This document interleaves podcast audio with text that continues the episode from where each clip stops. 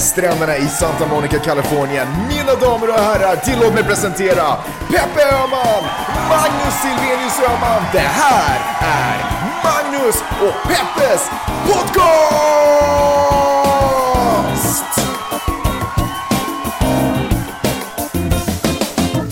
Hallå internet och hjärtligt välkomna till den här podcasten. Magnus och Peppers podcast heter den och här så pratar vi om saker som har med feminism att göra, journalistik att göra, liksom någon form av vad ska man säga, mediegranskning. Eh, vi snackar om eh, världen runt omkring dig. Kan man säga att är det en politisk podd det här? Nej, Fast allt är ju politik. Det privata är politiskt, Magnus. sex är inte politik. Klart det, det är supermycket politik. Ja, det kan vara, men ja, okej, snarare så här att allting kan vara politik, men allting, allting behöver inte nödvändigtvis vara det. Okej. Till exempel att borsta tänderna, är det politik? Ja, men vet du, eh, det är ju på ett visst sätt är det politik. I Finland så vi har liksom kommunal tandvård. Där vill man ju uppmuntra folk att borsta tänderna så det blir billigare för skattebetalarna. Just det, och, och det vill man inte här i USA. Här vill man inte, här uppmanar man inte folk att borsta tänderna. Här uppmuntrar folk att ha riktigt ruttiga tänder. Just det. Och att bleka tänderna. Hör du, eh, Magnus Peppers podcast är alltså det här och eh, det är ju jätteroligt att det är så många länder som den här podden hörs i. Eh, naturligtvis högst upp på listan över länder som den här podden lyssnas på i, av, eller hur säger man? Någon Ja. slags preposition. Ja, exakt. Sverige naturligtvis eh, är, är vi ju, om vi säger så här, vi är ju inte populära någonstans, men där, där vår podd ändå lyssnas på så är Sverige. Det är kanske min charmanta finlandssvenska som Kanske. gör det roligt för svenskarna. Sverige på första plats, Finland på andra plats och USA på tredje plats. Jaha. Eh, det, vi har ju en del vänner här och det är kanske de som lyssnar här i USA. Ja, Solidaritetslyssnar. jag tror inte att det är någon svensk by någonstans i Montana som har hittat den här podden än. Men med det sagt så borde vi kanske marknadsföra, marknadsföra oss, göra en liten tur upp till någon sån här liten svensk by.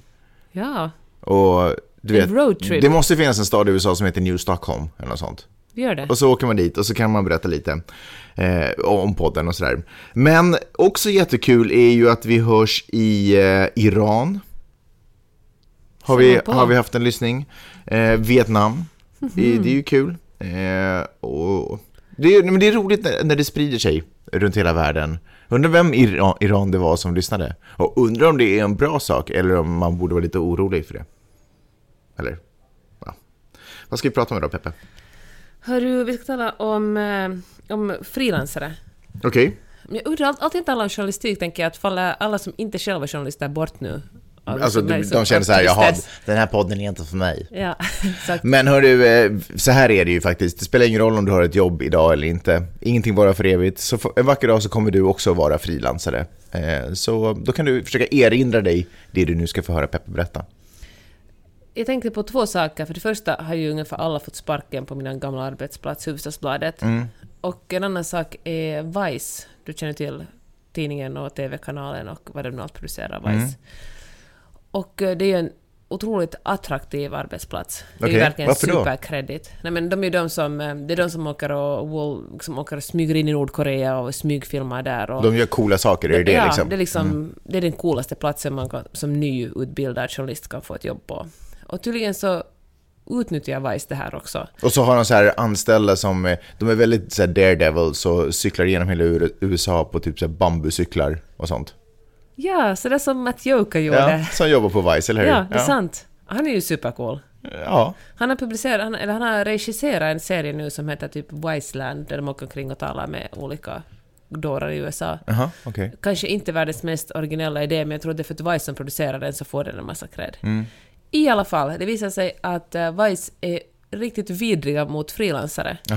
De eh, betalar, för det första måste man påminna dem supermånga gånger för att de överhuvudtaget ska betala någonting, så är de ganska motvilliga att betala, och så sysslar de med sånt här, de eh, nu till exempel i, Charlie Hebdo-dåden för några år sedan så ringde de någon slags, eh, en, en amerikansk journalist som, är som, som bor och jobbar från Paris. Och så ringde de henne och frågade om hon skulle vara deras fixare där, alltså hjälpa till att de skulle åka dit och göra ett, ett längre reportage om, om, om, om muslimer i Frankrike och hon kunde hjälpa dem med kontakter och liksom språk och det och det andra. Och så hade hon hjälpt dem för hon var schysst så hade hon hjälpt dem med, i varje mail hade hon frågat och sagt att okej men jag får ju såklart en ersättning för det här, det hjälper gärna men liksom det här är min arbetstid så jag får såklart en ersättning. Och det slutade med att hon fick noll. De bara, varje gång hon liksom, den producenten som kontaktade henne svarade liksom aldrig på hennes frågor om ersättning utan ställde bara en vidare fråga. Men hur ska vi göra sen? Vad föreslår du att vi ska göra sen? Och vem kunde intervjua? Usch. Och eh, så har hon tydligen skrivit om det här någonstans och då kom det ännu mera bekännelser, eller inte bekännelser men liksom... Folk berättar Vittnesmål. Sina, vittnesmål berättar sina egna erfarenheter, hur sunkigt det är att jobba för Vice.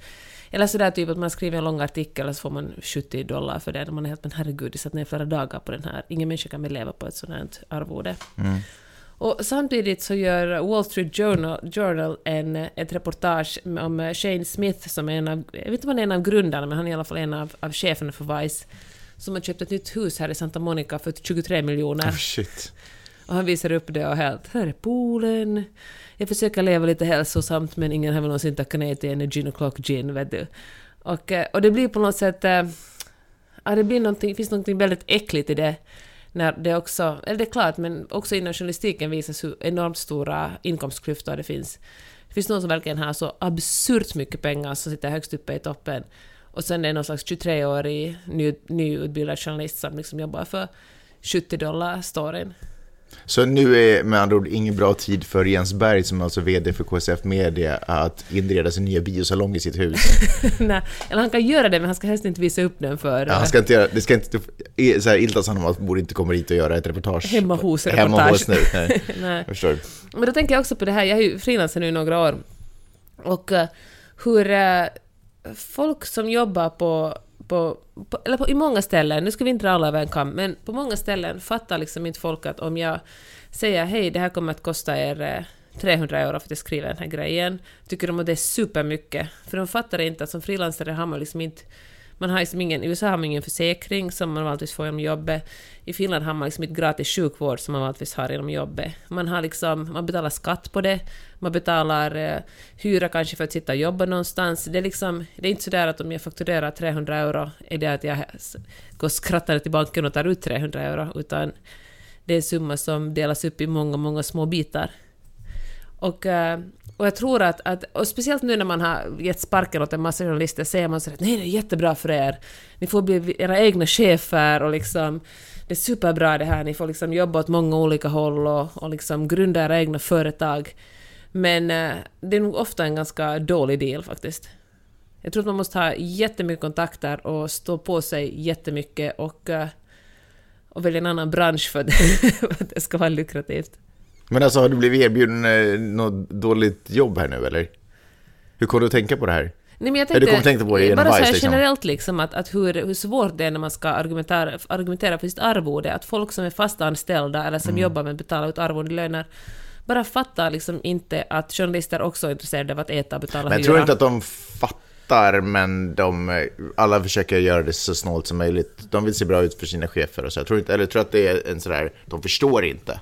Alltså jag tror faktiskt att många inte förstår, kanske både och, en blandning av det, men Ja. jag tror faktiskt inte att många förstår att en frilansare, det arvode man betalar till en frilansare verkligen inte är någonting som bara frilansaren tar som en paketsumma och så går man liksom och köper en resa till New York för den. Ja, det är inte lätt, Peppe. Ja, jag ville inleda den här podden med lite gnäll. Ja, du, du, du lyckades. Det, det var, gick bra. Men, men kan, du, kan du inte se att det finns några fördelar med frilansare också? Ja, jag har ju aldrig varit så lycklig som när jag är frilansare. Ja. Det är ju faktiskt en fördel med det här livet. Du är bara så, vänta, så du, bara, du har aldrig varit så lycklig, men du har aldrig varit så olycklig som när du får betalt. Så kunde man säga det, ja. Men alltså jag är ju aldrig... För det här med att vara sin egen chef, det stämmer ju. Alltså det passar ju säkert bättre vissa människor än- andra, men eh, herregud så jag är lycklig över att inte ha en chef. Berätta. Men ingen som, till exempel jobbar man på redaktion insåg jag när jag jobbade på Hufvudstadsbladet, de vill att man ska gå på ett morgonmöte. Och på det morgonmötet finns det en person som är en chef som vill berätta för en vad man ska göra på den dagen. De bara hej, kunde du chilla över till riksdagen och skriva ett reportage om det här? Och man bara men nej, det låter jätteointressant. det är något som jag tycker är intressant.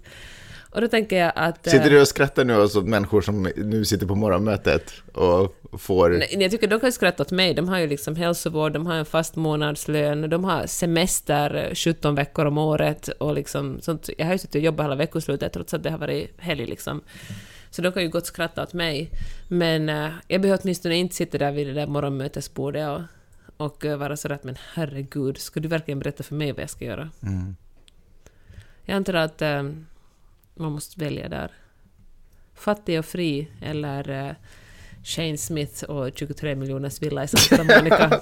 Alltså jag, eh, det har tagit tid för mig att vänja mig vid det här livet. Jag har nog eh, alltid uppskattat när folk har talat om för mig vad jag ska göra. Jag tror inte det är därför vår relation fungerar så bra. Ja, jag tror faktiskt det. Jag tror också att det är därför som jag får det här livet att fungera. För att jag har dig som ibland kan tala om för mig vad jag måste göra när jag ser lite rådvill ut. Men jag känner faktiskt att du på sistone har blivit lite sur. Ja, När du har talat om ställt en pedagogisk fråga kring kring min göra. framtida Ja. inkomst. ja, men det är klart att det är inte roligt att ha någon som står och gnäller. Det, det som är problemet med dig är att du är inte bara min chef, du är också min fru. Eh, så vissa eh, sådär chefins, chefinstruktioner, de eh, kan ju ibland komma ut som om det var min fru som stod och gnällde på mig. Eh, och det där, det där är ju svårt förstås, att den här jobbsymmetrin som vi har. Men, eh, nej men det, du jag måste nog ändå säga att du har ju varit, och även fast, och det här har ju gällt ända sedan jag var tonåring och mina föräldrar gnällde på mig och tjatade om mig. Att även fast man kan, jag kanske är sådär, ah, varför, sluta tjata. Eh, Så någonstans i huvudet så registreras ju ändå andemeningen och sen så förhoppningsvis så gör jag väl någonting åt det. det får du faktiskt plus för. Trots din irritation i början så brukar du ju alltid försöka göra någonting åt det när Ja. din irritation har gått om. Men det har varit svårt för mig den här omställningen att sitta på, eller liksom helt enkelt bara jobba efter instruktioner.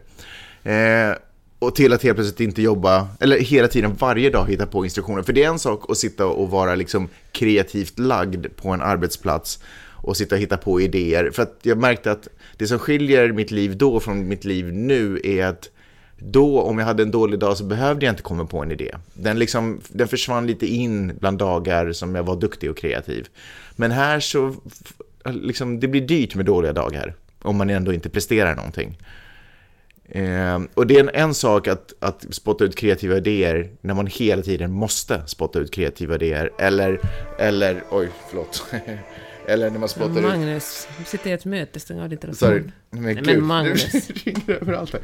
Eller, än att, eller att spotta ut idéer eh, för att... ehm, nu kommer jag inte ihåg vad jag höll på att säga. Nej, men det, alltså det är en sak att eh, spot, sitta och spotta ut idéer eh, därför att, just det, därför att man ehm, förväntas göra det. Eller, eller därför att man uppmuntras att göra det. Och en annan sak att spotta ut idéer därför att man helt enkelt måste göra det.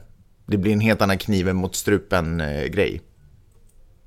Men längtar du tillbaka till den tiden då du inte... Jag kan se fördelar med den tiden, men jag tror att det, är väldigt, det, skulle vara, det skulle nog vara svårt för mig att nu gå och sätta mig i den situationen. Det var faktiskt, det var ju det som var, nu var det okej, under sommaren när jag var på TV4 där jag jobbade, det, det, om någonting var jobbigt psykiskt så var det just det där att, att helt plötsligt fungera i team igen och anpassa sig till eh, hyfsregler som att man kommer en viss tid och man går en viss tid. Inte för att det egentligen känner något större syfte, men det är liksom det är ett artigt sätt att bete sig på en är som en arbetsplats. överenskommelse. Ja, men vi respekterar varandras arbetstider och då har vi kommit överens om att det är bättre att vi möts mellan den här, med det här klockslaget och det här klockslaget. Så att vi inte behöver springa och jaga folk eller Mm. ringa eller undra vad den personen är när man vill ha tag på någon. Sådär.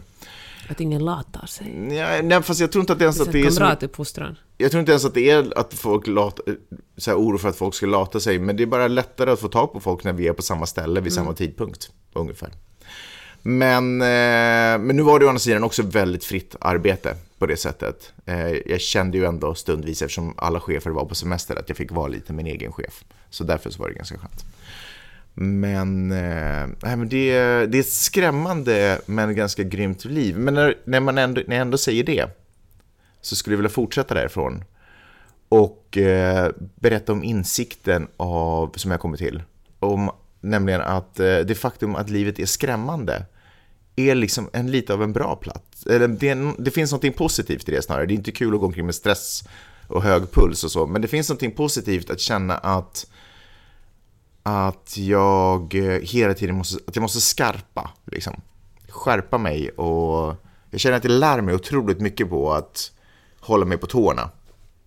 Eh, och det är ju det, är ju det här nya livet här har erbjudit mig. Förut så kände jag så här, ja, jag kunde knappt tacka ja till uppgifter som jag var lite osäker på om jag skulle klara, men jag kunde också inte placera mig i situationer där jag behövde utsättas för de frågorna om huruvida jag vill ha den uppgiften eller den uppgiften. Jag kunde lite sådär slinka förbi.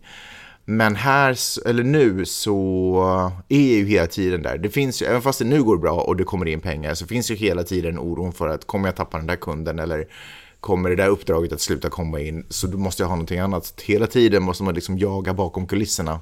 Men tror du att det är den nya världen? Det var så du började det här inslaget, att säga att ingen, ingen, ingen är säker. Nej, men jag, jag, jag, jag tror att det är nya världen. Du menar globalt? Är det så här det kommer se ut nu i Ja. västvärlden? Att alla... Alltså jag tror förr eller senare, så- alltså, jag vet inte vem det var säkert Betsy som sa det någon gång, att förr eller senare, allting blir skit så småningom. Det är liksom allting på, jorden strävar till att liksom lite förmultna, du vet, all rörelse är bara, det sakta, allting saktar in hela tiden, det går bara långsammare. Så någonstans så, alla de här um, tryggheten och allt det här vi upplever för stunden är ju bara för stunden. Så småningom så kommer inte den finnas där. Så i, jag vet inte om det är en, en ny tid eller, eller sådär globalt, men i alla människors liv så kommer man i något skede komma in i en period i sitt liv där man måste upp på tårna igen. Och det är ju lättare att så att säga komma upp på tårna igen om man, aldrig, om man alltid var på tårna. Än att helt plötsligt res, resa sig från sin sköna eh, fastanställningssoffa. Och jag menar, jag säger inte att folk inte jobbar hårt, det bara för mig var det bara... Jag trodde att jag var, jag upplevde mig alltid själv som väldigt kreativ och sådär, men sen någonstans när man på riktigt, när jag på riktigt sattes på prov så var jag lite, det var, det var svårt att komma igång. Det fanns ett, det fanns ett litet sådär ett ögonblick där jag måste dra upp momentum lite. Ja, det var bara det. Hillary Clinton, det är en av presidentkandidaterna. Den andra heter Donald Trump här i USA. Det blir val den 8 november. Och uh, Hillary... Är du nervös för det? Jag är faktiskt nu lite nervös på grund av en grej som hände igår. Igår var det ju 9-11 och uh, det var Hillary och uh, hade säkert en massa uppdrag men på ett av uppdragen så var hon på väg in tillbaka i bilen och så vacklade hon till framför kameran. Och man ser liksom att, att uh, någon slags säkerhetsvakt eller någon tar, tar i henne. Hon faller inte ihop men man ser liksom att hon, hon stiger lite snett och det, allt är inte okej med henne. Och den här lilla snutten på några sekunder har gjort att uh, hennes uh, opinionsundersökningar visar genast att hennes popularitet gick ner och Trumps gick upp. Vilket ju i och för sig är naturligt för det finns bara två kandidater.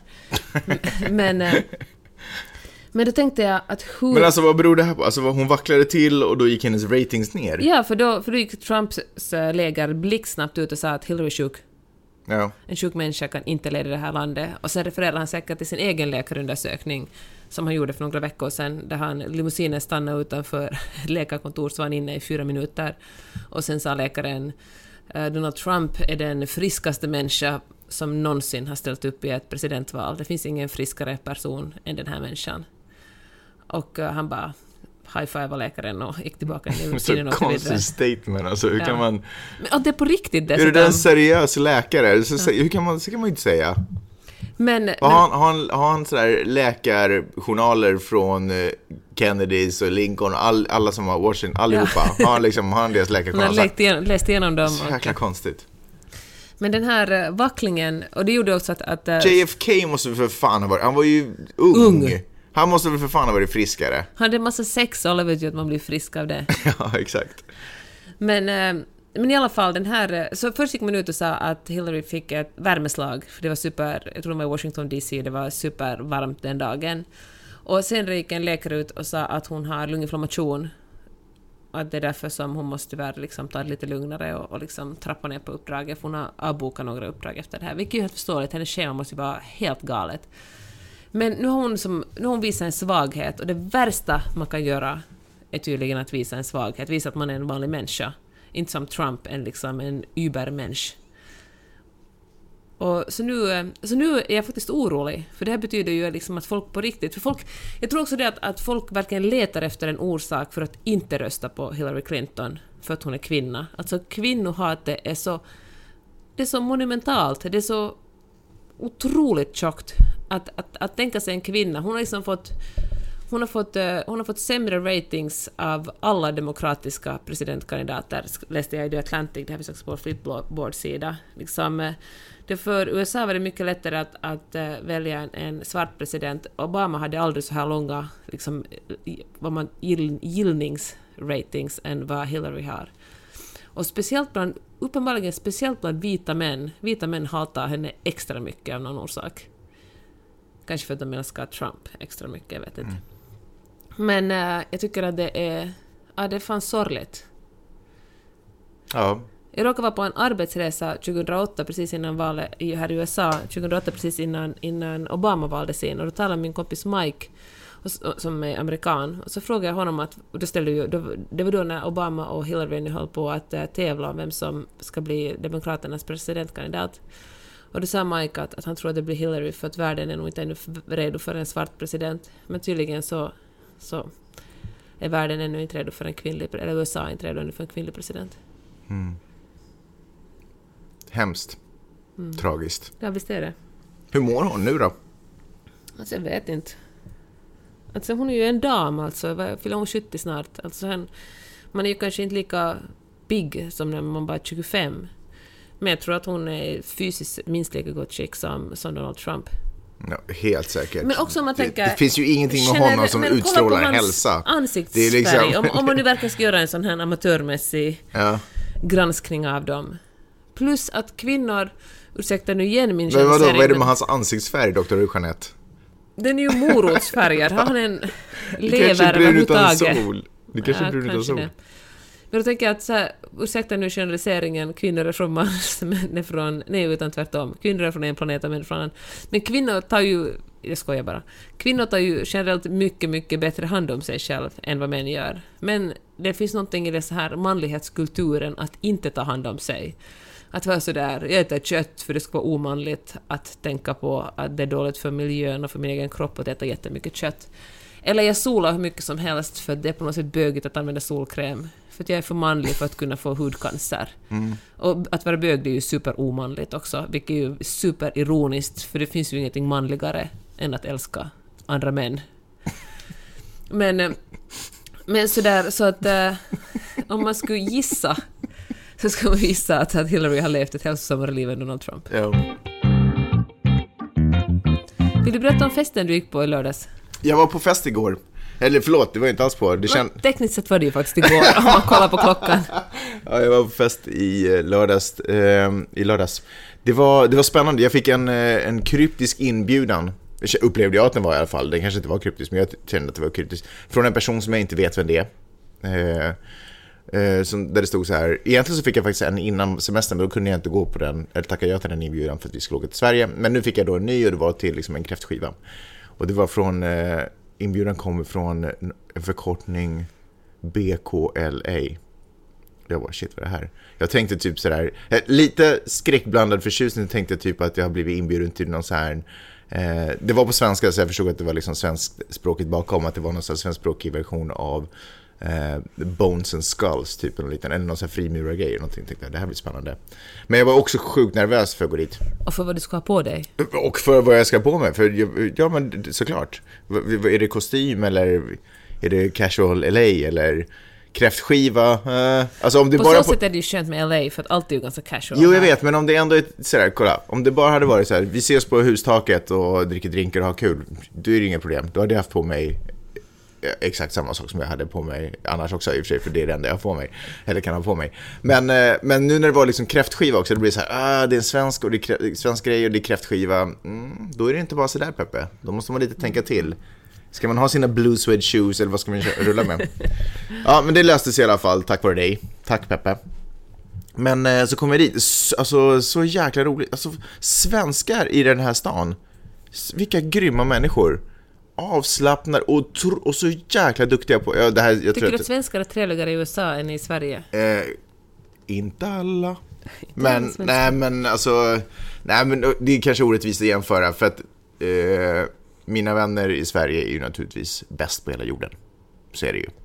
Men, men generellt, om jag, om jag tänker så här att om man går ut och minglar med människor som man inte känner så bra, så då tycker jag kanske att det är lättare att göra det här än vad jag upplever kanske att det är att göra på Rish.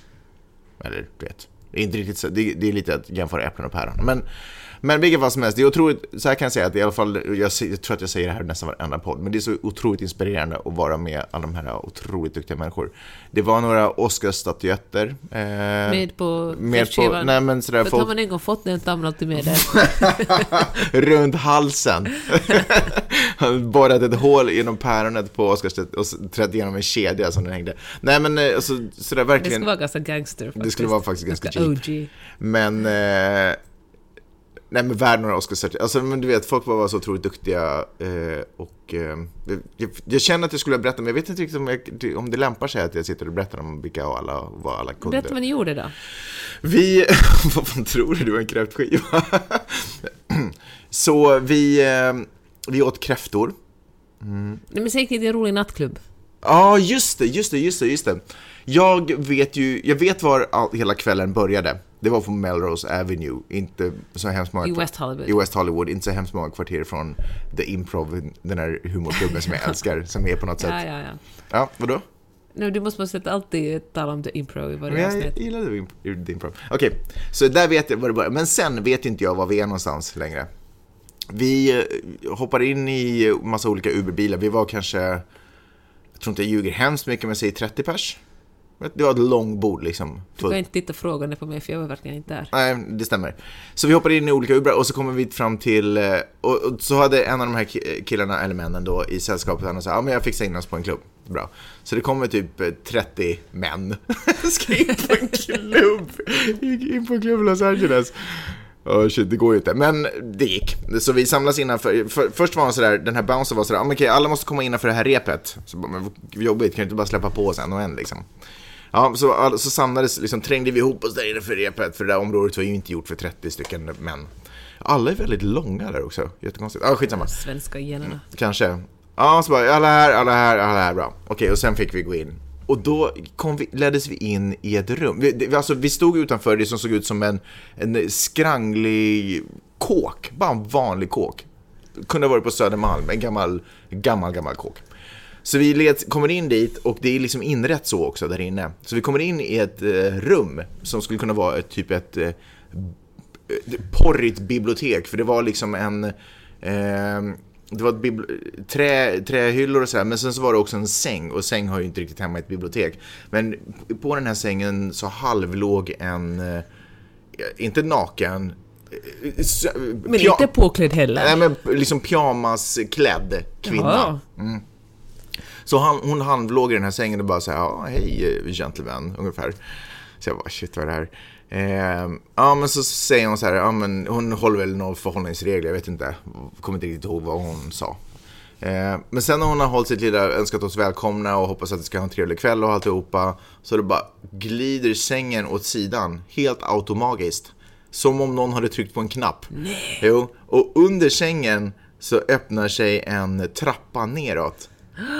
Och då går vi ner trappan och där är värsta klubben. Skitmycket folk, vilket var lite synd för sen var det lite svårt att kommunicera. Liksom. Spelade de bra musik där? Kommer inte ihåg. Vad roligt, du bara, det är åldern, du bara, för man kunde ju inte prata där. Man kunde inte riktigt Det var bara massa dunka-dunka. Ja, nej, men det var jättemycket. Och vi fick ett litet bord. Vi var 30 personer som skulle klämma. Var ett litet sådär runt barbord. Mindre än det här middagsbordet vi har här runt här.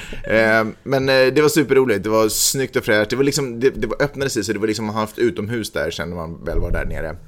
Eh, och så var det dörrvakt till toaletten. Det kändes Jaha. jättejobbigt. För han släppte inte på hur som helst. Så man bara, mm, måste verkligen gå. Eh, men det var sjukt coolt. Så var vi där och sen så eh, stängde det istället. Och då skulle vi vidare till en av dem som hade varit med tidigare under kvällen och faktiskt på klubben men som dragit hem.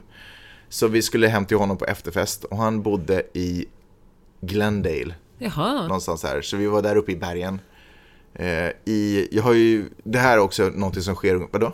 Glendale uppe i bergen? Men- Jaha, men nej, eller vänta, kanske inte var Glendale, kanske var på väg mot, eller mellan liksom LA eller eh, Beverly Hills typ och Glendale, så där finns väl någon form av berg i alla fall. Eh, så det här var i alla fall uppe i bergen, så här ett gated community. Eh, och sen så, en gång i månaden ungefär, i den här podden, så brukar jag säga så här, shit, det här, det här är det värsta huset jag någonsin varit med om. Men nu har jag nått en ny nivå av det grymmaste huset jag någonsin har sett. Ni var hemma hos Shane Smith i Santa Monica. Vem är det? Han är Vice-grundaren. Det ska jag bara. Jaha, alltså, ja precis. Men du fattar. Nej men eh, trevåningshus uppsmetat på klippor. Allting är vitt, eh, marmor och bara gigantiskt. Och eh, ja. Han hade en egen bio också, det var roligt. Okej. Hör du, det bästa med att tala om det här följande dag när du hade vaknat upp, Mm. du kom hem någon gång halv sex ungefär, men så vaknade du upp och så var du på så jäkla gott humör. Mm. Och så berättade du liksom att det var den värsta festen, men gladast av allt var du över att inte vara den som var fullast. Ja men kräftskiva, schnaps, lite nervös, vad som helst kan hända. Men eh, jag tog inte hem den pokalen och det kändes väldigt skönt faktiskt. Det finns folk som kom hem eh, blåslagna, utan att ha blivit slagna, men liksom själv orsakat blåslagna. Nej, det kändes bra. Eller alltså, jag är inte glad för andra människors olycka, men det Men du är kändes... glad för att inte Jag är glad att det känns som att jag, jag tror att jag skötte mig. Och jag tror att jag gjorde ett ganska bra intryck också. Eller det kan man ju bara hoppas på. Men det var, det var grymt, det var spännande att få vara med igen. Det kändes väldigt exklusivt och jag kände, det var, jag kände mig väldigt ehm, ärad att få vara med. Det var coolt. Det är bra Magnus, jag gläder mig. Jag kanske får ett uppdrag på det också. Bra. Men jag, vill inte säga riktigt vad det är, men om det är, jag vet inte ens om det är ett stort uppdrag, men det, jag tror att det kan vara ett roligt uppdrag i alla fall. Tack vare det. Men vi får se. Jag Så du skulle- är där och jobbmingla, dela ut dina visitkort. Nej men fast det blir lite så. En av de där snubbarna till exempel eh, som var på festen, han hade köpt upp några andra killar på festens företag för att han Jaha. diggade det. Alltså, så det, det är ändå liksom så, jag menar folk går inte dit för att affärsmingla, men äh, jag diggar dig, du har en bra grej, jag skulle Kanske vilja någon vill ha vårt barn. Kanske vi kan sälja... Jag frågade faktiskt, men det var ingen som var intresserad. Nej men sådär. Bra, bra typer och förhoppningsvis, ja, ja han, eh, han var sådär, ja men ring mig inte imorgon för det var söndag då och han räknade väl och, och kanske också med att vara bakis. Men han bara, men ring mig på måndag så kan vi snacka om det lite där. Så jag borde ringa honom idag men jag är lite nervös. Pirrigt. Ja men för man vet aldrig sådär, var det en fyllig grej eller var det på riktigt? Hej. Bara hej, kommer du ihåg? Han bara, vem är det här? Han bara, eh, fan också. Nej men du kan kan inte smsa och sådär hej, eh, sådär som moderna människor gör. Hej, tack för i lördags, superkul. Ja, inte ringa, Ja, smsa. jag ska kanske göra det. Ja, det är bra. Det är bra Peppe. Det där är, det där är riktigt bra Peppe. Smsa. Inte mail då? Ja, jag har inte ens nej, mail nej, i det. sms, det ska jag smsa honom. Smsa, bra. Och sen blev det söndag och så gick vi på barnkalas. Mm. Jag tänker att det var ändå ganska strångt av Det har dig. varit värsta festhelgen för mig. Ja, du bara, men du kom med på det kalaset. Jo, det fanns jag- ju inga alternativ egentligen. Men, Dessutom fanns det inga alternativ och dessutom var jag sådär perfekt nykter fylla fortfarande. ja, Så, du skojar faktiskt jättemycket. så att jag hade inte hunnit bli bakis, jag hade inte helt hunnit nyktra till, så att det var sådär perfekt, sådär, den, den fylla man egentligen vill ha, den som är inte obehaglig utan bara trevlig.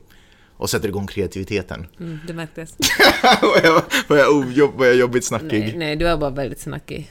Jag igen var väldigt osnackig, för det finns någonting i en av de där papporna där som provocerar mig något så otroligt mycket. Mm. Och alltså jag kan inte hålla mig, han provocerar mig så mycket. Och så börjar han dessutom tala om kejsarsnitt. Och tala lite sådär föraktfullt om kvinnor som gör kejsarsnitt, för de är för de är så här karriärskvinnor som vill ha kontroll över allt och snabbt komma tillbaka till Du jobbet. läser in den där föraktfulla tonen. Ja, det. han sa orden, men han, han, jag håller kanske inte med om att han sa det föraktfullt. Men du har bara så ont öga till honom. Så att även fast han skulle skratta så skulle du säga att han hånskrattade. Och fortfarande, varje gång vi träffas, säger han sådär ”Hello mommy”. Alltså om man gör det en gång till kommer jag till en örfil åt honom. På Nej, det- riktigt, det man kommer- gör Peppe, ju det inte så. Inte. Säg inte saker du inte kan leva upp till. Challenge accepted. Och inte nog med det. Mm. Inte nog med det. Dessutom, han är då alltså en, en han jobbar på någon programmerare eller vad han gör i alla fall. Det är han som inte tycker att det är så viktigt med utbildning. Mm. Och uh, så gick han omkring med uh, fan den största det största kameraobjektivet som har producerats på hela jorden gick han omkring över axeln. Alltså inte ens paparazzin har så stora. Och han ska fan fota sin egen son på en meters avstånd på den här sonens sjuårsfest. Ja. Vilket provocerar mig något så otroligt mycket också. Och så ville han mansplaina om kameror. Ja, alltså. Ja, ho, ho. Jag...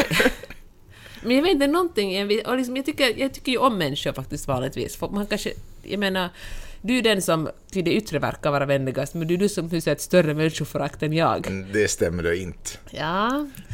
Men, eh, men alltså det är någonting i den En här fräck mannen... grej att hänga ut sådär i en podd. Att jag skulle vara den, att jag bara är lismande och inställsam när vi ses, men sen bakom ryggen så bara tvi, tvi, tvi. Sådär finländskt äkta som finländare är stolt över. Ja. Det vet jag. En sån som står och rullar med ögonen när andra står och pratar. Ja, men jag vet inte, jag, alltså, men samtidigt som jag nu pratar om det här skäms jag också lite över att jag kan känna så starkt inför en människa som ju faktiskt inte har gjort något så hemskt mycket ont annat än varit liksom en idiot.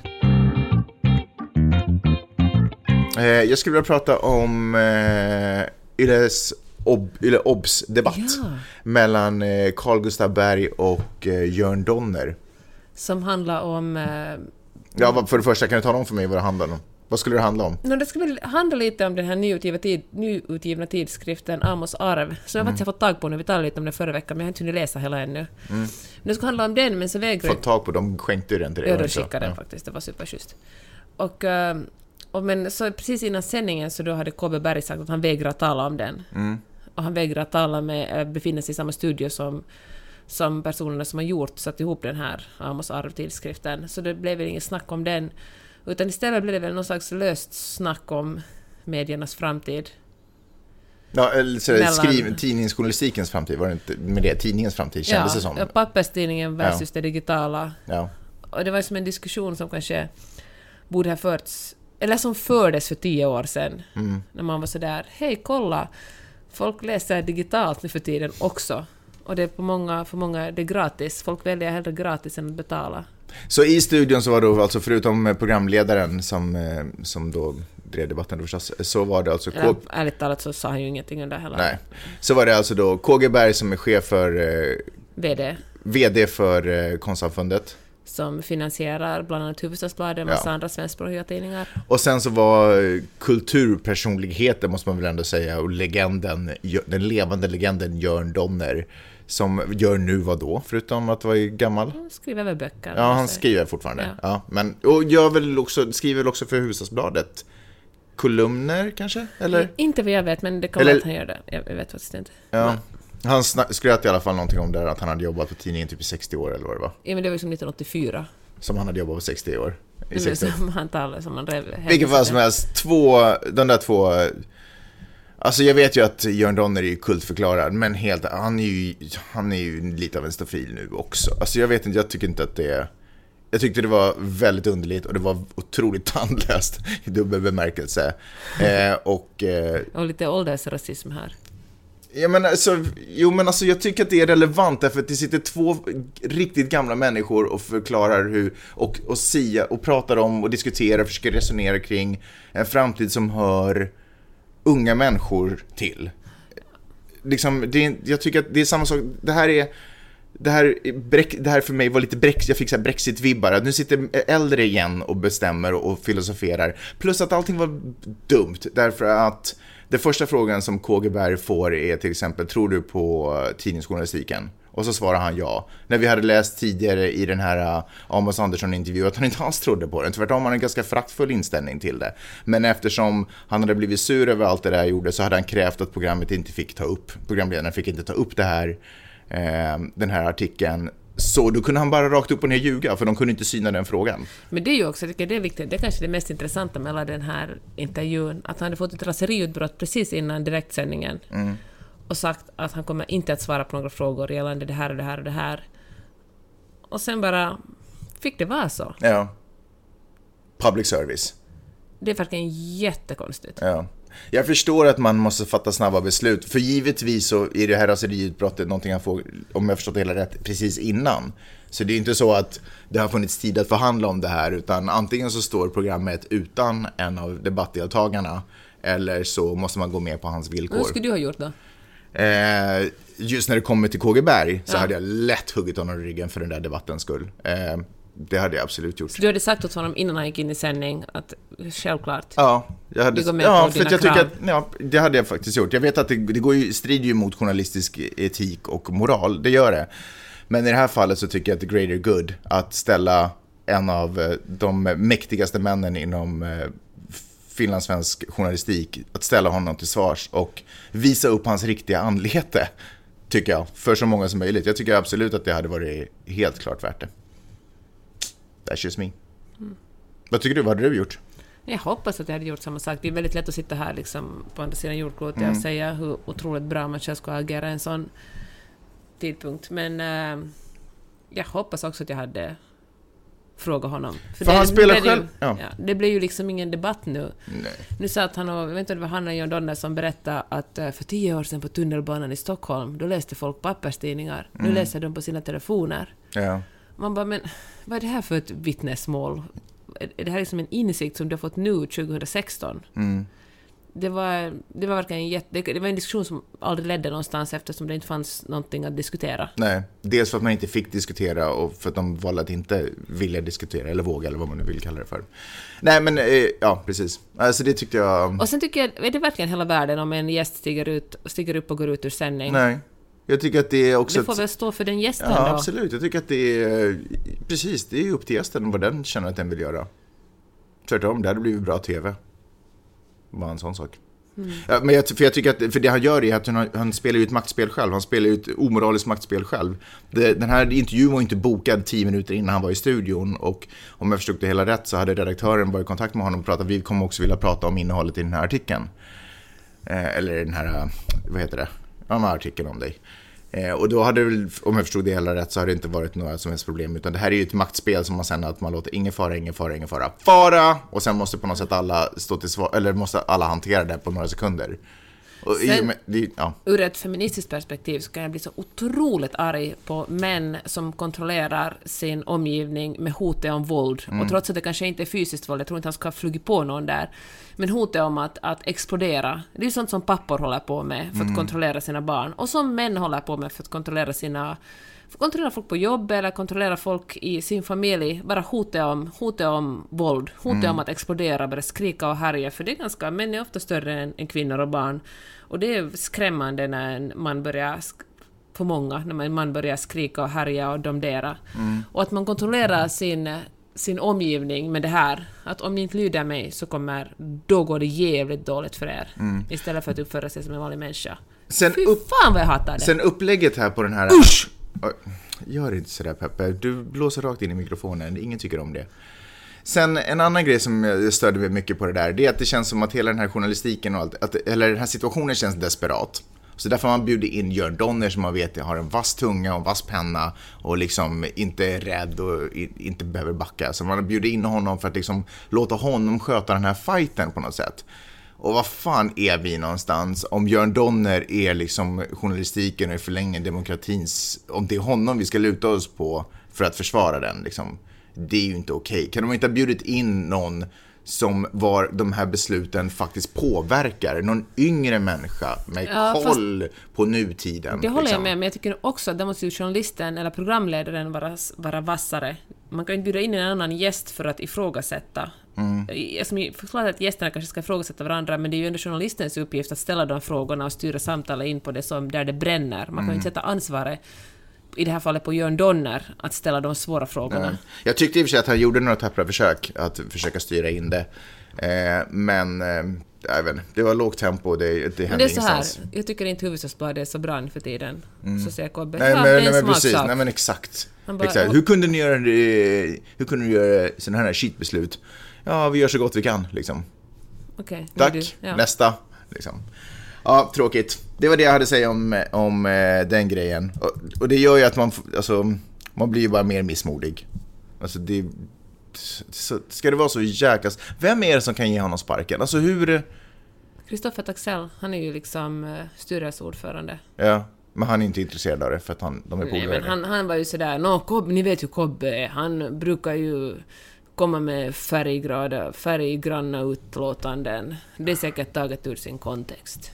Ja, ja. Det är ju det också att alla är ju insyltade med varandra, alla är ju kompisar liksom. Peppe, jag måste dra och eh, boxas lite. Okej, får jag säga en snabb sak? Facebook. Du Mm. Facebook. vet, du vet när eh, folk eh, yttrar sin kärlek supermycket för varandra på Facebook? Mm. De bara ”jag älskar dig, du är så gullig, nej du är gulligare”. Alltså pratar om förhållanden och par. Ja, ja. Och eh, det var någon som skrev på någon blogg häromdagen att folk som måste vara så jävligt tydliga med bevis att de på riktigt är kära i varandra är nog säkert inte på riktigt. Det är säkert bara dåligt för dem Mm. utanför sociala medier. Nu visar det sig att The Atlantic skrev om det här och det är inte alls så. Folk som är lyckliga på Facebook är lyckliga också. Ja, då är det så. Bra. Sen så skulle jag vilja rekommendera en dokumentär som jag också såg på Netflix som heter Saudi Arabia Uncovered. Så himla givande, får ont i magen av att titta på det där fruktansvärda landet. Som vi av någon anledning i västvärlden håller oss lojala gentemot. Olja. Ja, men fucking olja, alltså jag vet inte. Vapen. Inte Sverige och Saudiarabien har väl mycket vapen? Ja, men alla, hela västvärlden har ju varit super... USA gillar ju också Saudiarabien. Ja. Eh, men otroligt bra. Det, de använder, det är alltså, det finns folk som naturligtvis inte tycker om regimen i Saudiarabien som har tjuvfilmat där inifrån och, och visar upp den världen de känner. Okay. Otroligt gripande.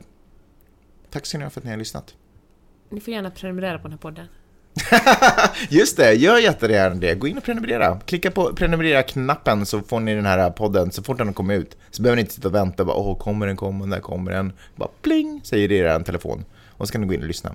Och sen när ni har gjort det och gillat det ni har hört så kan ni säga till en kompis, bara, shit, vet du vad, jag hörde den här grejen. Så jäkla bra. Tills dess, ha det så bra. Hej!